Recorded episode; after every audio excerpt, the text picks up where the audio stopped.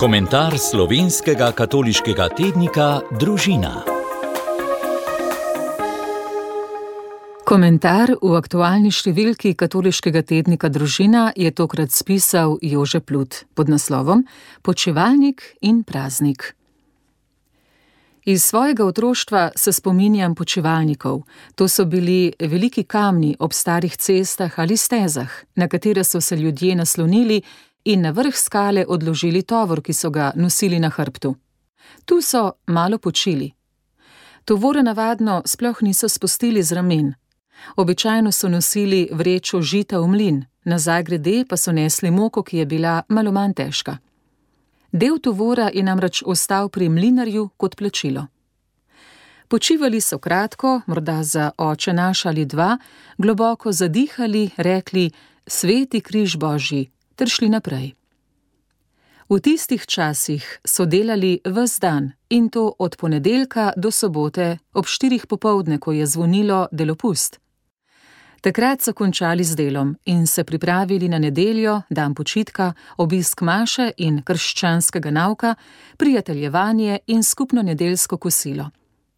To je bil dan za zakmašno in nedelovno obleko. In nedelja je prvi dan tedna.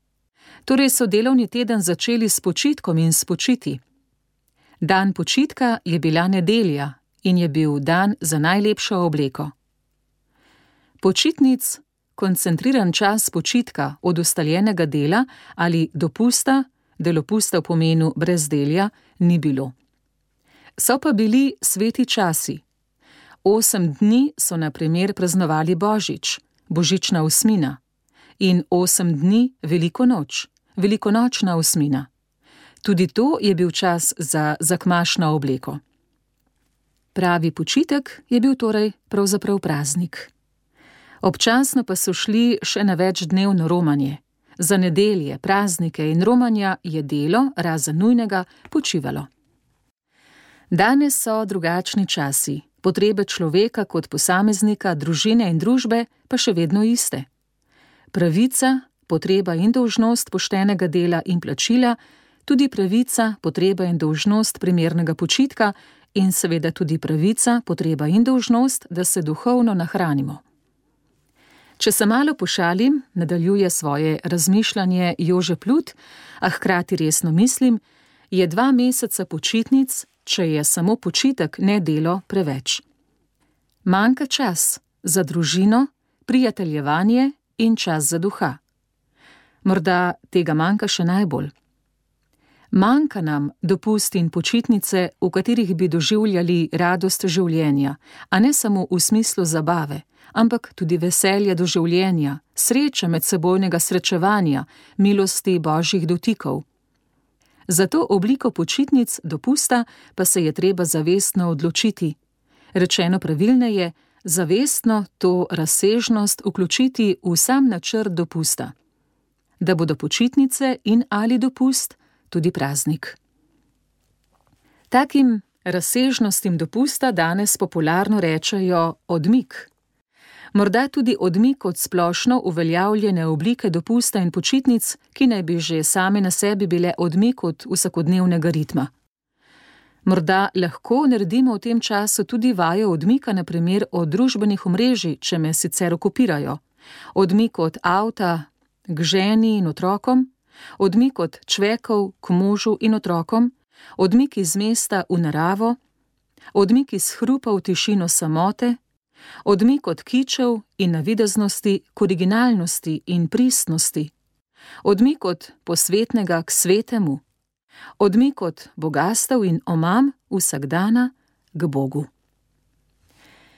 Če izrečem še misel kot župnik. Starši med letom veliko krat rečejo, da ne morejo priti k maši zaradi obveznosti, utrujenosti, potrebe potem, da se otroci v nedeljo naspijo in da tistih nekaj ur, ki jim ostajajo, preživijo skupaj kot družina. Slednja potreba je nedvomno na mestu in zasedenost z delom in dejavnostmi med tednom velikanska in še kako resnična.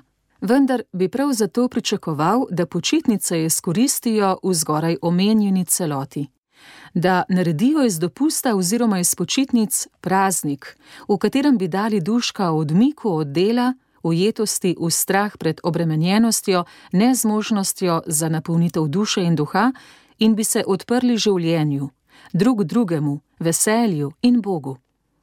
Dopust bi tako postal praznik. Izbira je naša. Vsem želim blagoslovljen dopust in počitnice. Zaključi komentar svoje razmišljanje Jože Plut v zadnji številki aktualni katoliškega tednika Družina. Preberite njegovo razmišljanje, komentar z naslovom Počevalnik in praznik še sami.